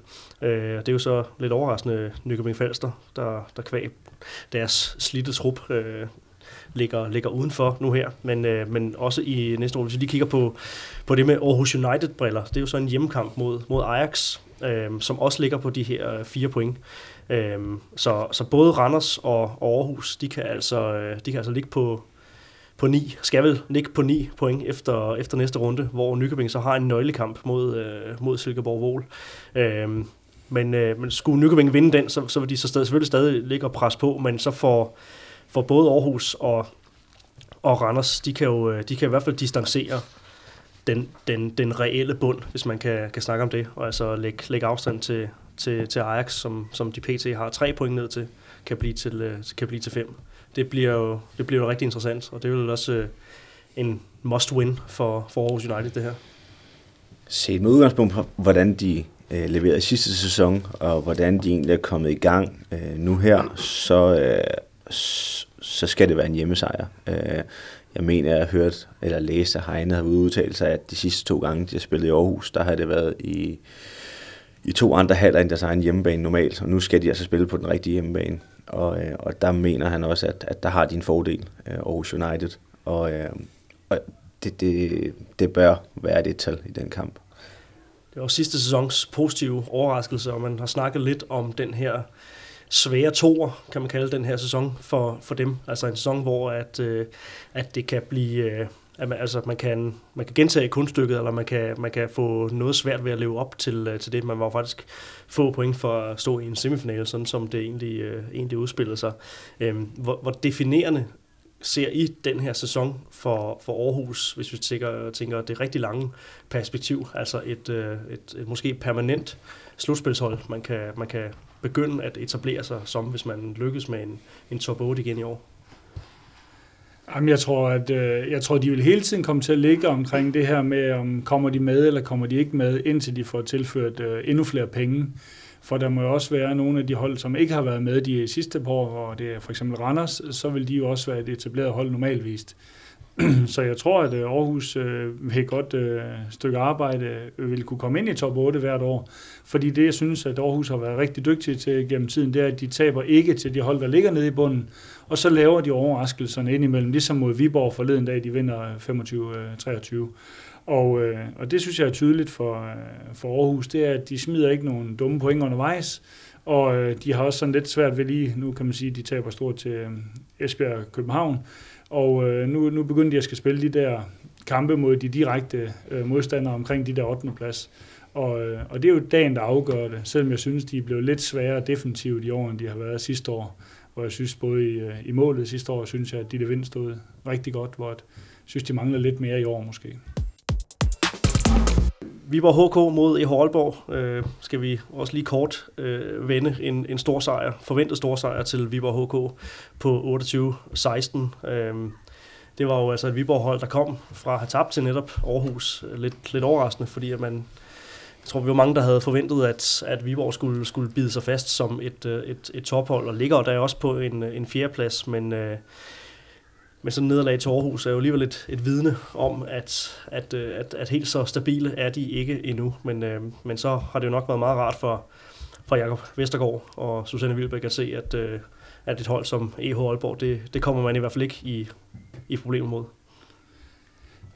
Ja, jeg synes, at når jeg ser Viborg, så er det blevet meget mere stabilt deroppe, selvom at de har mange unge spillere, så er begyndt de også at have nogle år på banen. Mm. Og, øh, og jeg synes også, det der er kendetegnende for Viborg i år, det er, at de hold, der ligger i, i bunden, øh, dem slår man sikkert, som Skanderborg, TTH, Aalborg og ja, så Nykøbing Falster, som, som er, ikke er i bunden, men, men er lidt såret i øjeblikket, at man står egentlig de hold øh, sikkert. Og så har man per tradition de sidste par år haft det rigtig svært med Aarhus United, og det er jo så også dem, man taber til. Mm. Og øh, at man så taber øh, pokalkvartfinalen også til, øh, til Odense i forlænget spilletid er jo selvfølgelig også en bed, men at man viser, at man kan være med mod de aller, allerbedste nu. Og det er selvfølgelig også, øh, fordi profilerne træder endnu mere i karakter deroppe, og Anna Christensen bare står helt fantastisk øh, på mål og har den højeste redningsprocent i, i dameligaen øh, på nuværende tidspunkt. Endnu en, øh, en, en landsholdsbobler eller en landsholdskandidat øh, her. Øh, blandt, blandt flere på, på Viborg-holdet, men selvfølgelig øh, bannerfører for, for, for, den, for det kul, øh, Christine Jørgensen. Er det en, øh, en sikker flybillet til, øh, til Japan øh, i december måned, Mark?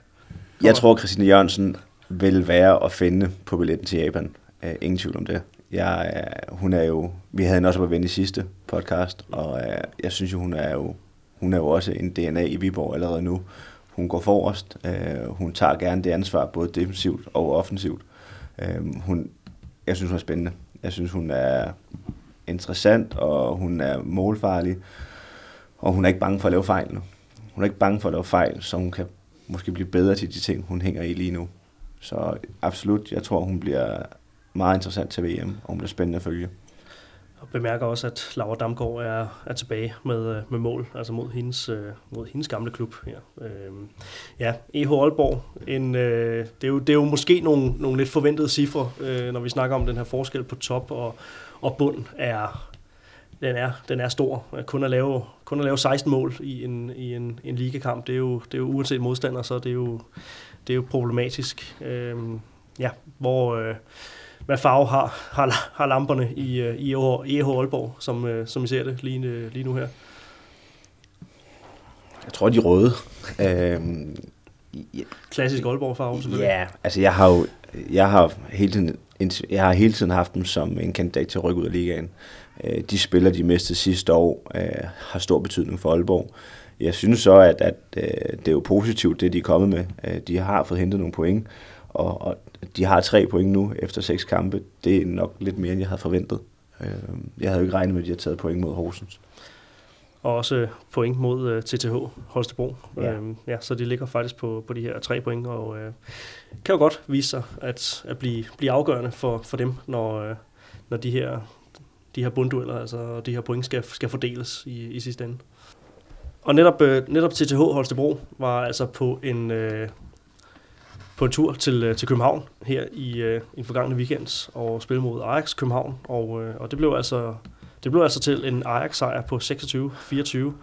Altså øh, Ajax København har nu slået øh, TTH og Silkeborg Vol på, på hjemmebane, og det er jo de her bonuspoint, vi snakker om, altså point, som ligger ud over kampene i, øh, mod de, de andre formodede øh, bundkandidater. Og øh, ja, en ting er, at det er jo selvfølgelig rigtig flot af af København, eller af Ajax København, det her, øh, de her to point. Vi skal, nok, øh, vi skal nok snakke om dem også, men øh, godt tænke mig lige at vinde TTH til at, øh, til at starte på her. Et point efter, efter seks kampe. Jeg kan jo stille det samme spørgsmål her. Hvad, øh, hvor, meget, hvor kraftigt blinker lamperne nu her? Jeg tror, de er kraftigere ved TTH, end de er ved, øh, ved EH Aalborg. EH Aalborg, hvis man tager deres øh, point, så tror jeg, de er glade for tre point. Og dem, de har tabt til, at de betyder ikke så meget i forhold til det indbyrdes regnskab.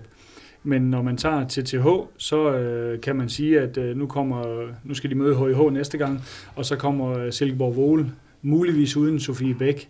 Så kan det være, at man kan hente nogle point der, og øh, jeg tænker, at Peter Kraupmeier, han er den helt rigtige mand til at klare den opgave med alle de unge spillere derop, og har masser af erfaring i at skal nok få dem til at præstere.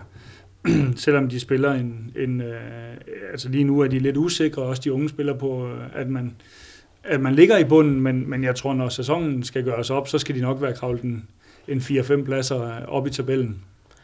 Øh, det eneste ulempe, de kan have lige nu, kan jo være, at det går op for dem, at, øh, eller det ikke er gået op for dem, at de ligger i bunden, at, øh, at de skal faktisk til i gang med at have nogle point. Men jeg kan også se, at de har stadigvæk Skanderborg og, og Horsens øh, i nogle af de næste kampe efterfølgende. Så, øh, så der vil komme nogle flere point på kontoen. Ja, det er jo en interessant ting det her med at befinde sig et andet sted i tabellen, end, end det, som øh, man måske selv havde, havde forventet, og, og et eller andet sted også ser sig selv. Og øh, det kan vi jo også snakke om, når vi, når vi skal ind på, øh, på Nykøbing Falster og, og deres situation. Øh, men ja, hvad kan det gøre ved, øh, ved TTH lige nu, at, øh, at, at, at de ligger der? Altså, er det, er det nødvendigt for dem at, at simpelthen øh, anerkende, at man er et bundhold, før man kan komme ud af, af bundstriden? Jeg tror måske egentlig, at, at anerkendelsen for deres egen side af, at de ligger, hvor de gør, øhm, de har nok fra sæsonen start af også haft en formodentlig forventning om, at de skulle kæmpe om at komme i et slutspil, øh, men at de skulle også undgå nedrykning. Jeg tror, at øh, med den trup, de har fået ind, øh, de Vind er vel den største profil, de har fået hentet til, øh, og det, det synes jeg er godt klart, at de får hentet hende derop. Øh, men samtidig så er det en ny trup igen, han skal arbejde med, Peter. Og, øh, og det har han jo til vane med at gøre næsten hver sæson. Øh, og hvis der er nogen, der kan det, så er det også ham. Men, øh, men jeg tror også, det er vigtigt for spillerne, at, at, de, at de er klar over, at øh, det handler om at undgå nedrykning. Lykkes det, at de undgår nedrykningen, øh, så har de jo haft en succesfuld sæson. De skal spille Final Four, og forhåbentlig så er de også at finde ligaen i næste sæson. Øh, det må være et, øh, det må være et applaus til dem, øh, men det kræver, at de undgår nedrykningen af den her Final Four, hvad, vil det, øh, hvad gør det ved deres, øh, ved deres sæson? Hvad, øh, hvor stort et aftryk er det, For nu skal de også spille det på hjemmebane. Jamen, der er der nok både en økonomisk, men også en øh, forholdet en, en, en succes i at skal spille Final Four på hjemmebane. Øh, de kan godt spille frit, og, og ja, de er jo kæmpe underdogs. Jeg var nok det sød sidste gang at sige, at øh, den, der var en lille favoritværdighed til HIH. Øh, de har jo en, en kæmpe favoritværdighed, og, øh, og, og laver de overraskelsen, jamen, så er det jo en kæmpe succeshistorie for, for TTH. Så, så det der er fantastisk, at, at de får Final Four derop.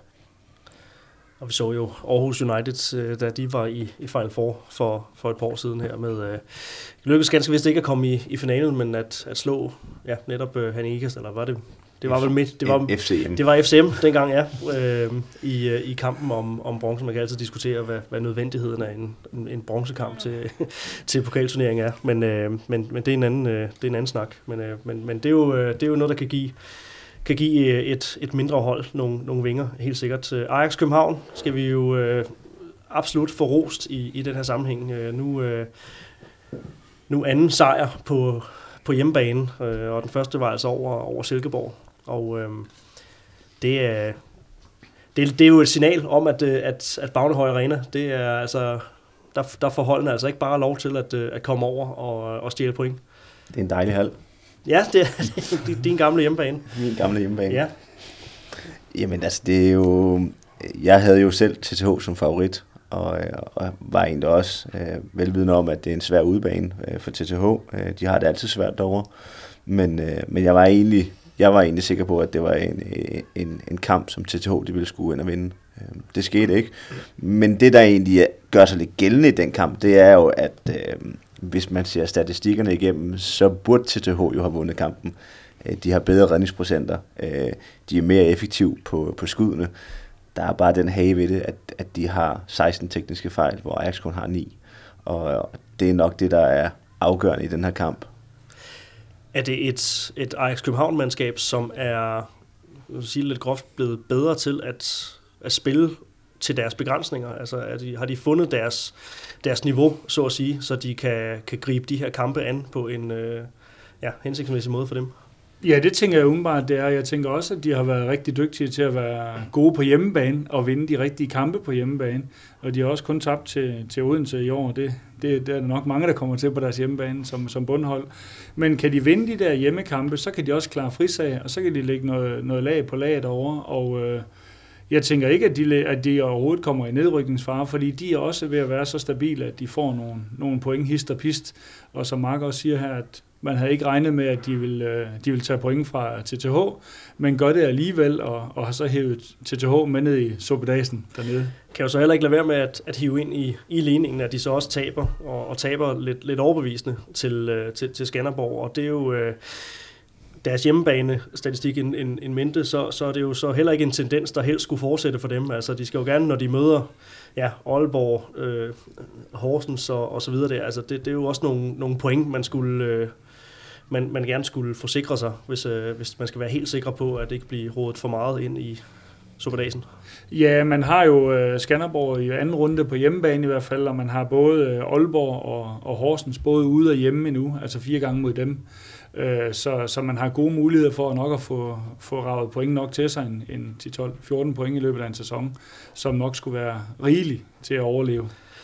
Så jeg hører ikke jer uh, sige, at uh, Ajax København er, er favoritter til at, uh, at, at rykke ned i, i den her omgang heller? Det tror jeg ikke i hvert fald. Nej, jeg håber det heller ikke. Jeg synes, det er godt for, for både Sjælland og også København, at, at, at der også er et, et Ajax København-hold at finde i ligaen. Og jeg kan ikke lade være med at også tænke et, et næste step for, for, for dem. Nu er det jo lidt småt med, med, med, med pengene lige på, på, på de kanter, som det ser ud nu her. Øhm, men men øh, er det et, et, en klub, der skal affinde sig med at ligge der sådan lige i udkanten af noget slutspil, klare sig fri af, af nedrykning, og så udvikle på nogle af de her dygtige unge spillere. Ida Marie Dahl kommer jo derfra, eller har spillet der, og, og blevet, blevet skibet videre til, øh, til Viborg. Øh, vi ved, at, at Stine Eiber Jørgensen er, er nok i, i, i høj kurs blandt nogle af, af de klubber, der ligger lidt, lidt højere op i tabellen. Er det, er det den plads i, i fødekæden, så at sige, de, øh, de skal affinde sig med? Ja, det tænker jeg, at de, øh, og det, jeg tror, de befinder sig godt med det, at de kan bruge deres egne spillere. Jeg kan også se flere og flere af deres øh, nuværende U19-spillere spiller kampe op. Både Rosa Schmidt på fløjen og Amanda Poulsen i bagkæden og, og, og så videre. Der er mange spillere, der kommer, kommer igennem den skole, de har over i Ajax og gerne vil blive der. Så det synes jeg er positivt hvor at, øh, nu kender jeg ikke lige så godt ned igennem u 17 og u, og u 15 for, for Ajax vedkommende, men de næste par år er de i hvert fald sikret på, på egen spillere, og så vil der vel også være nogen, der flytter til København og skal bo i byen, som ikke kan være inde i København håndbold, men måske kan være på den næste hylde, som er i Ajax København. Ja, så det handler også om at, at, at fremtidssikre sig på, på den konto. Ja, og, ja og, og hvis vi ser på de hold, der spiller i, i første division øh, på Sjælland, så er det måske også et naturligt skridt at tage. Øh, noget af det, Ajax lever rigtig godt på, det er jo den sociale del.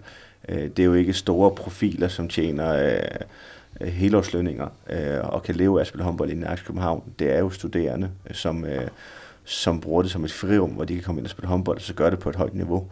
Og, øh, og, og det er jo det synes jeg er godt, at, at der er mulighed for at gøre det også, at der er plads til den, til den klub også i, i ligaen, og ikke kun København, men også Ajax. Så der er et, øh, et foreningsmodspil til den her Eliterbredde. Elite, eliterbredde, ja præcis, ikke? men et foreningsmodspil til, til den, øh, mere, den mere kommercielle del af, af håndbolden, det, ja. Øh, det, vi jo, det er jo der, vi alle tre kommer fra, sådan oprindeligt, og det, det, det ved jeg, I bakker mig op i, at det har sin, sin charme. Mandag aften så blev det sidste opgør i, i 6. runde, altså, altså spillet, og øh, det blev til en sejr på 26-19 til Henning Ikas håndbold over Nykøbing Falster håndbold. Og øh, det var så den, den eneste tv-kamp i, i runden her. Men, øh, men dejligt, at I har været, øh, at I har været i hallerne og øh, kan komme med noget hands-on øh, analyse af, af, hvad I har, har set. Det her fik vi jo så mulighed for at, øh, at se på, på tv. Var du i hallen i går, Mark? Ja, jeg var lige over til lidt håndbold. Ja, godt nu.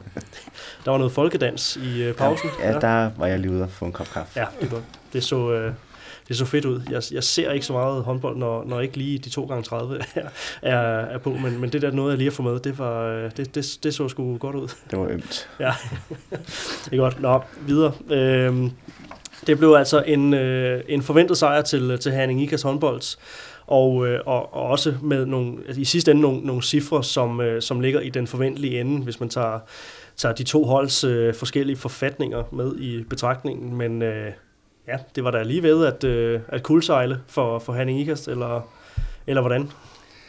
Nej, jeg tror ikke, det var ved at kuldsejle. Jeg synes øh, desværre for, øh, for os, der er ungdomstrænere, var det ærgerligt, at, øh, at Nykøbing Falster kom så tæt på, at man blev lidt shaky på, om man ville sætte de unge spillere i spil, som Emilie Steffensen og, og øh, Michaela Møller. Øh, det var lidt ærgerligt, for det havde egentlig været gode minutter for dem at få på nuværende tidspunkt, og også når et HIH øh, allerede skal spille igen øh, onsdag mod TTH, så havde det været fint at kunne spare nogle af sine profiler.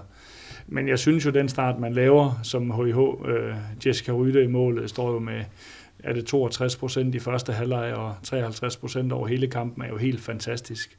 Øh, men jeg havde håbet, at de kunne få nogle af de unge spillere i spil også det er klart, det, det er jo altid noget, man sidder og, og kan, kan godt sig lidt over, når, når talenterne får, får spilletid. Men du er inde på Jessica Rytte, øhm, og, øh, og der er jo ved at tegne sig sådan lidt et, et mønster af, at hun sådan mere og mere får noget, øh, noget, noget ansvar, og Sabine Englert spiller mindre og mindre, men vi, vi har en idé om, at hun nok skal være der, når, når, når tingene gælder. Det er du, øh, du er jo tæt på, på det her foretagende, øh, Mark, øh, men øh, ja, hvad, hvis vi lige tager Jessica Rytte op mod, mod Sabine Englert, øh, sådan målmand for målmand, spiller for spiller, hvad, øh, hvad er styrkeforholdet mellem, mellem de to? Jamen, jeg, Sabine Engel, hun er jo en ældre dame nu efterhånden i håndboldregi, og øh, hun står jo på sin egen måde. Øh, der er jo ikke øh, nogen deciderede regler, når England hun står. det bliver jo egentlig også sagt i optakten til kampen for nogle af spillerne, at når England hun er inde, så er det på rutinen, det er på erfaring og på alle de år, hun har haft i den danske liga, så husker hun nogle af de her ting, og det gør hun rigtig godt. Jessica Rytte er jo lidt, øh, hun er jo den unge udgave, og øh, i min tid i klubben, der har hun jo kun været opadgående. Hun er, hun er meget spændende, og er måske den, den naturlige aftager efter England, øh, hvis alt går vel. Så må vi jo se, om England stopper på et uligt år eller et lige år i klubben. Øh, lige nu har hun haft 11 år. Hun er ikke så meget for ulige år, så det kunne godt lugte, at hun tager et år mere. Men, øh, men hvis hun skulle vælge at indstille karrieren, øh, så synes jeg, at Jessica er, er godt på vej til at være den, den, den den sikre afløser for hende. Så der er ikke nogen panikknap, der skal trykkes på til, til den tid? På ingen måde. Nej.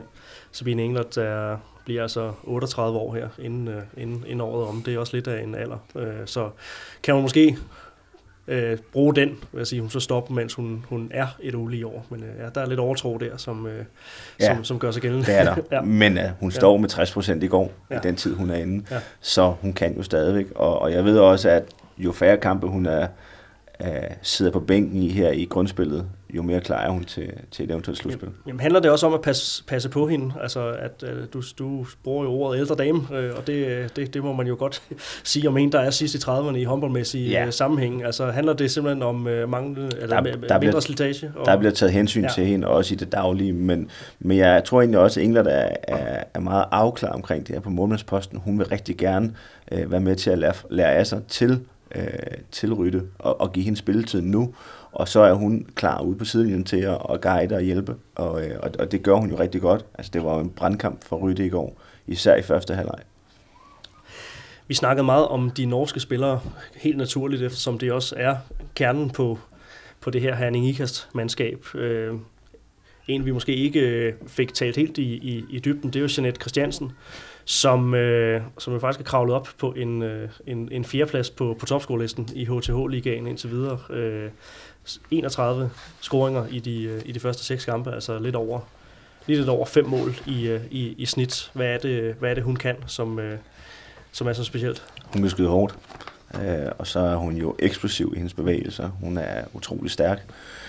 En, en fantastisk fysik, både i den defensive, men også i den offensive del. Vi ser også i, øh, i momenter i kampen i går, når hun går på hendes dueller, både ind og ud af banen, så er det eksplosivt. Og det kræver altså, at man, man er parat på den aktion, der kommer, eller man er placeret korrekt, for at kan holde hende i mand-mand-duellerne. Og, og hvis man ikke kommer frem til hende, så skyder hun bare rigtig, rigtig hårdt. Øh, og hun sætter bolden godt lagde særlig mærke til et mål, hun, hun laver det her øh, øh, fodskifte, øh, et afsæt fra, hvor hun skifter fra højre til, til venstre fod og, og sætter af i en og samme bevægelse og, og skyder over det lange hjørne. Altså det er med al respekt for, for damespillere i al almindelighed, det er ikke noget, man, man lige ser. Man lige ser hver dag, øh, og øh, det var, det var altså en, en, en rigtig fin indsats af Jeanette Christiansen med, med de her seks scoringer, og øh, et, et Hanning Ikast-hold, som... øh, ja, som bliver ved med at, at, at lægge på, altså lige nu, sammen med, med Odense, altså første udfordrer til, øh, til, til Team Esbjerg. Nu kan vi lige få den, den uvildige øh, øh, analyse her fra, fra dig, Ronny. Øh, Esbjerg som, øh, som, som, som, som øverste guldkandidat lige nu, måske i hvert fald hvis man kigger på, på formbarometer, Hanning Ikast, hvad skal til for, at de simpelthen tager det sidste step op? Kan det, kan det lade sig gøre for dem?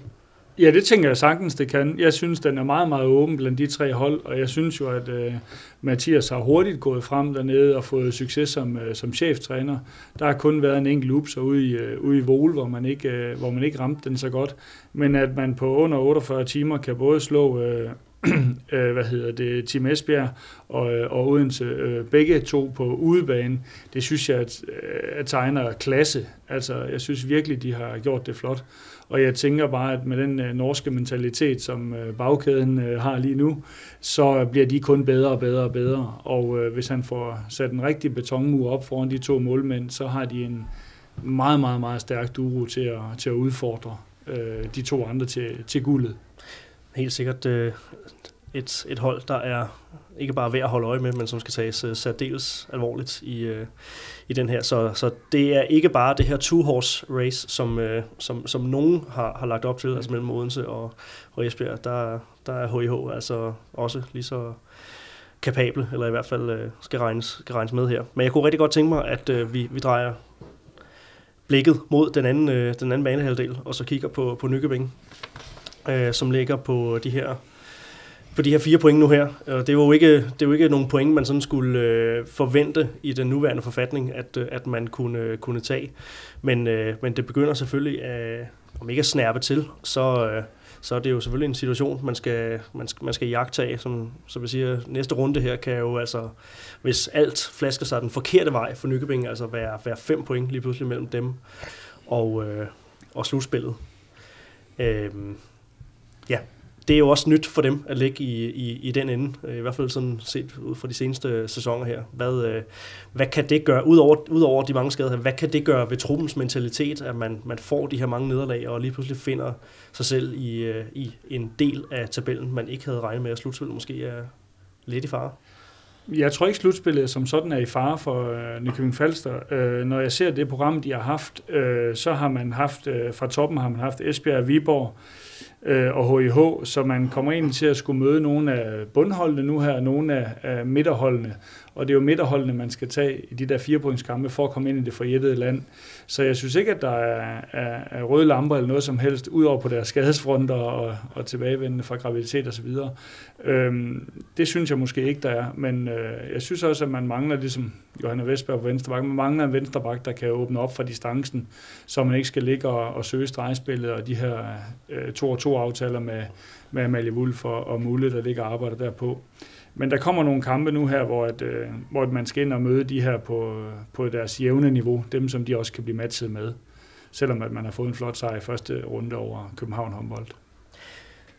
Vi ser jo Christina Christiansen Mule her. Have, øh, hun, hun, hun, hun lader til at have nogle vanskelige øh, betingelser. Jeg tænker bare tilbage på, på tiden i, i TTH, hvor at det jo også var, en, var til tider en, øh, en, en lille øh, bagkæde sådan af, af fysisk fremtoning. Øh, og det, det er det jo til tider også her med, med Amalie Wolf, som, øh, som, som I nævner. Øh, Dione, som kan, godt kan åbne øh, øh, lidt, ikke? Men, men, øh, men, men det er lidt det, man i basket vil kalde øh, small ball i store dele af de her kampe. Øh, Valene, øh, når hun er inde på, på, på højre bak øh, og så videre der. Øh, men, øh, men er det ikke lidt som om, at det, som hun excellerede så godt i før, det, øh, det gør hun ikke rigtig længere? Jo, øh, hun er ikke... Øh, førhen, der var hun jo helt fremme på topscorerlisten. Øh, nu er hun jo mere i sidstens rolle. Det kan godt være, det hænger lidt sammen, hun også er blevet ældre. At, øh, at hun, øh, der er et andet drive på hende. Hun er jo stadigvæk lynende hurtig, men, øh, men hun, er, hun er blevet ældre. Og øh, det kan godt være, at der så skal lægges noget ansvar over på nogle af de andre spillere også. Øh, Wolf mener til dels om muligt det spil, hun også leverer. Øh, men alligevel så kan man ikke helt sammenligne dem på, på kvaliteten i det. Øh, men men det, det hænger... Jeg synes, Nykøben de er hårdt ramt på deres skader. Altså man har øh, både Vestberg og jeg kan ikke huske, hvad hun hedder i dag.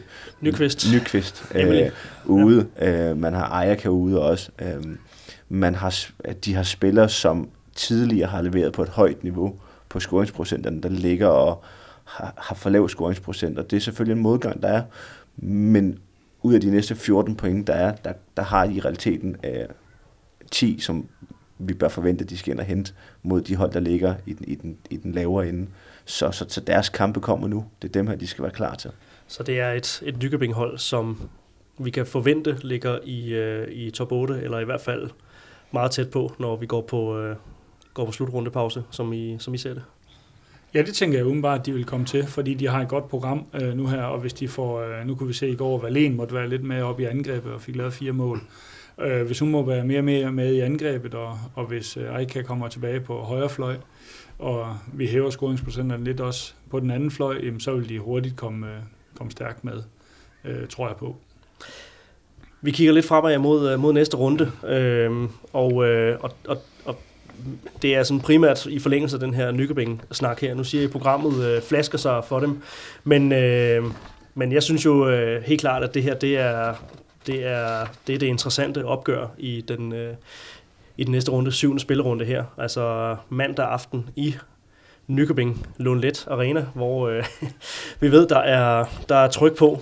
Øh, uanset om det er en, en, en søndag eftermiddag eller en, en, en hverdagsaften, så skal der nok komme, komme tilskuere. Silkeborg måske uden... Øh, måske uden Sofie Bæk. Øh, i, øh, det afventer vi lige noget, noget mere info omkring det. Det har været lidt, lidt sparsomt. Øh, ja, jeg tænker bare, at det er gunstigt program efterfølgende for Lykkebæk til trods en, øh, en, en kamp, der vil være meget, meget fordelagtig at få, få to point i. Ja, at Nykøbing på hjemmebane, så jeg vil også lægge... Øh, jeg håber, at Nykøbing de vinder den kamp øh, for, for deres egen skyld. Øh, det, det, det er et fort dernede, det har det været førhen, men, øh, men begge hold har jo haft øh, svingende resultater, og Silkeborg har haft lidt med noget hjernerystelse, nu er der lidt med noget baglov, og, og Nykøbing døjer jo stadigvæk med de skader, som man hele tiden har haft ude. Øh, så altså, det er jo en, en, en mere eller mindre en 50-50 kamp, men en lille favoritværdighed til Nykøbing. Ja, det tænker jeg også, at øh, favoritværdigheden ligger ved, ved Nykøbing, hvis de får folk tilbage igen, og, og hvis øh, Silkeborg er lidt, øh, lidt såret på, at Sofie Bæk for eksempel ikke kan spille øh, så meget så tænker jeg, at det godt kan gå hen og blive vendepunktet for Nykøbing Falster. Og ellers så har vi, som vi har nævnt, nogle, nogle opgør her, hvor at, at de her hold, der lige akkurat ligger indenfor i, i slutspillet, de altså øh, ja, har nogle, nogle, nogle interessante kampe for dem. Altså vi har en Aarhus Ajax, hvor at, at Aarhus altså kan kigge ind i, øh, i to for dem forhåbentlig øh, sikre point. Men, øh, men lad os se, om Ajax de kan begynde at producere på, på udebane også. Og så, så som nævnt, Randers, der skal til en, en tur til, øh, til Aalborg og spille. Øh, det som nogle medier sikkert vil kalde et lokalopgør, men øh, det, det er jeg ikke helt sikker på, jeg, jeg køber. du har selv været i Randers, øh, ja, Ronny. Ja. Det tager en time dertil. ja, ikke? Men, øh, men København og Nykøbing er også blevet kaldt et lokalopgør, så øh, ja, den, den får de vel. Så, øh, så ja, en mulighed for, for Randers til at, øh, at komme, komme endnu bedre i position til, øh, til noget slutspil her. De her, Ronny Bøj Klitgaard og Mark Ober vi har øh, talt i, i næsten halvanden time øh, nu her. Så har I, øh, har I nogen afsluttende pointer? Øh, det, hvis I har det, så er det i hvert fald på høje tid. Nej, jeg har ikke nogen. Nej. Du er også, øh, du er også udtømt. Jeg skal skynde mig at sige, øh, sige tak, Mark, for, øh, nu, øh, nu øh, er vi jo en, en anden form for journalistik her på, på, på foretagendet her, men, øh, men ja, man kan altid, man kan altid øh, købe sig til lidt, øh, lidt, lidt, øh, lidt brede smil her, og øh, du skal have tak for den her Herning Ikast kaffekop i, øh, i lilla og sort. Den, øh, den, vil, den vil klæde mit, øh, du drikker meget kaffe, jo. Det ved jeg, ja. Det ved du. Og øh, det, vil altså, det vil virkelig klæde mit køkkenbord derhjemme. Det tror jeg også, min, min kæreste vil blive, blive glad for. Det er jeg ikke i tvivl om. Ja, en, en indjørning pynter jo alle vegne, uanset udformning. Så altså, tak for den. Den er så, Ronny, kan ikke tæmmes. Lige præcis. Så, der stod i pressemeddelelsen. Ronny, du må, øh, du må øh, ja, lægge dig i scenen til, øh, til næste gang, du er med her, så, øh, så ser jeg frem til noget Horsens merchandise fra, fra din kant. Jeg vil gøre mit bedste, eller også så kan jeg da fylde den op med kaffe næste gang, måske, kan, så vi får noget varme. ja. Eller måske vi bare husker at tænde øh, radiatoren. Ronny Boy, Klitgaard og øh, Marco Berg tusind tak, fordi I, øh, I var med her i øh, programmet. Selv tak. Og her på falderæbet, så som altid et tak til Sparkassen Kroneland, som altså er trofast partner, fast partner, har været det siden starten af Mediano håndbold, hvor vi altså lagde for land i, øh, i foråret 2018. De har så været med os hele 2018 og også hele 2019. Nu kommer snart en slutrunde. Sparkassen Kroneland er også hovedpartner på det danske kvindelandshold, og øh, nu kom vi ikke så tidligt i slutrunde mode, som vi havde, som vi havde lovet det, men øh, det lover vi at øh, tage hul på meget, meget snart. Så hold øje med kanalen, husk at trykke abonner, følg os på alle sociale kanaler, og indtil vi høres ved en anden gang, så have det rigtig godt. Tak for i dag.